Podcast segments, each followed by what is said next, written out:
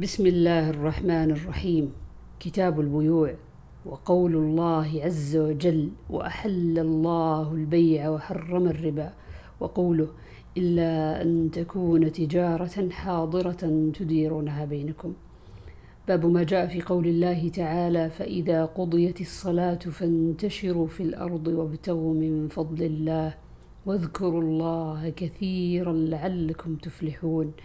وإذا رأوا تجارة أو لهوا انفضوا إليها وتركوك قائما قل ما عند الله خير من اللهو ومن التجارة والله خير الرازقين وقوله لا تأكلوا أموالكم بينكم بالباطل إلا أن تكون تجارة عن تراض منكم.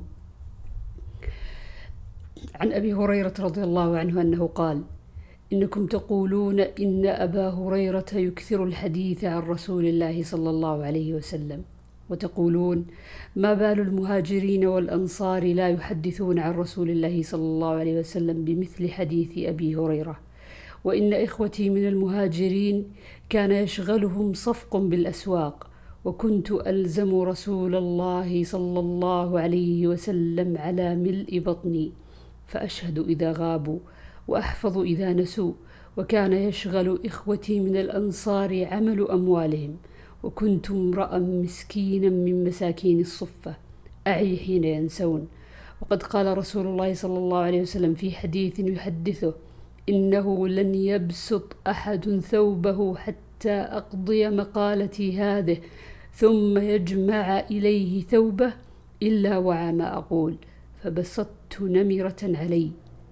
حتى إذا قضى رسول الله صلى الله عليه وسلم مقالته جمعتها إلى صدري فما نسيت من مقالة رسول الله صلى الله عليه وسلم تلك من شيء.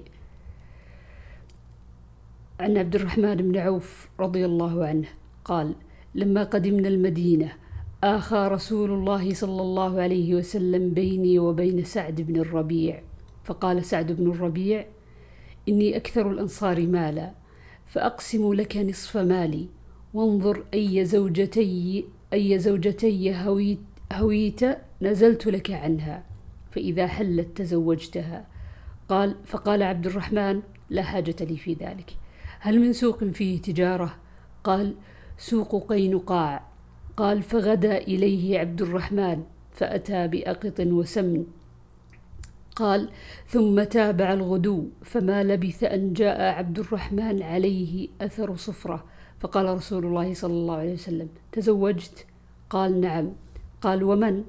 قال امرأة من الأنصار. قال كم سقت؟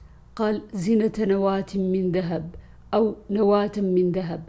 فقال له النبي صلى الله عليه وسلم أولم ولو بشاه عن أنس رضي الله عنه قال قدم عبد الرحمن بن عوف المدينة فآخى النبي صلى الله عليه وسلم بينه وبين سعد بن الربيع الأنصاري وكان سعد ذا غنى. فقال لعبد الرحمن أقاسمك مالي نصفين وأزوجك. قال بارك الله لك في أهلك ومالك دلوني على السوق فما رجع حتى استفضل أقطا وسمنا فأتى به أهل منزله فمكثنا يسيرا أو ما شاء الله فجاء وعليه وضر من صفرة. فقال له النبي صلى الله عليه وسلم ما هي؟ قال يا رسول الله تزوجت امرأة من الأنصار. قال ما سقت إليها؟ قال نواة من ذهب أو وزن نواة من ذهب. قال أولم ولو بشاه. عن ابن عباس رضي الله عنهما قال كانت عكاظ ومجنة وذو المجاز أسواقا في الجاهلية. فلما كان الإسلام فكأنهم تأثموا فيه فنزلت ليس عليكم جناح أن تبتغوا فضلا من ربكم في مواسم الحج. قرأها ابن عباس. باب الحلال بين والحرام بين وبينهما مشبهات. عن, آه عن النعمان بن بشير رضي الله عنه قال سمعت النبي صلى الله عليه وسلم قال الحلال بين والحرام بين وبينهما أمور مشتبهة فمن ترك ما شبه عليه من الإثم كان لما استبان أترك. ومن اجترأ على ما يشك فيه من الإثم أوشك أن يواقع ما استبان والمعاصي حمى الله من يرتع حول الحمى يوشك أن يواقعه. باب تفسير المشبهات. وقال حسان بن أبي سنان ما رأيت شيئا أهون من الورع. دع ما يريبك إلى ما لا يريبك. عن عقبة بن الحارث رضي الله عنه أن امرأة سوداء جاءت فزعمت أنها أرضعتهما فذكر للنبي صلى الله عليه وسلم فأعرض عنه وتبسم النبي صلى الله عليه وسلم قال كيف وقد قيل؟ وكانت تحته ابنة أبي إيهاب التميمي.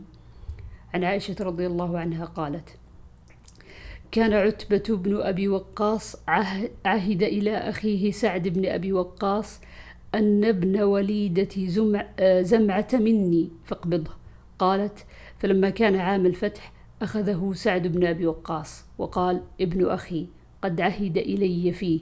فقام عبد بن زمعة فقال أخي وابن وليدة أبي ولد على فراشه. فتساوقا إلى النبي صلى الله عليه وسلم. فقال سعد يا رسول الله ابن أخي كان قد عهد إلي فيه فقال عبد بن زمعة أخي وابن وليدة أبي ولد على فراشه. فقال رسول الله صلى الله عليه وسلم هو لك يا عبد بن زمعة. ثم قال النبي صلى الله عليه وسلم الولد للفراش وللعاهر الحجر. ثم قال لسودة بنت زمعة زوج النبي صلى الله عليه وسلم احتجبي منه لما رأى من شبهه بعتبة فما رآها حتى لقي الله. عن عدي بن حاتم رضي الله عنه قال سألت النبي صلى الله عليه وسلم عن المعراض فقال إذا أصاب بحده فكل وإذا أصاب بعرضه فلا تأكل فإنه وقيذ.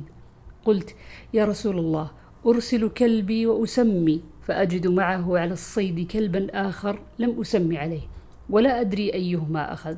قال لا تأكل إنما سميت على كلبك ولم تسمي على الآخر.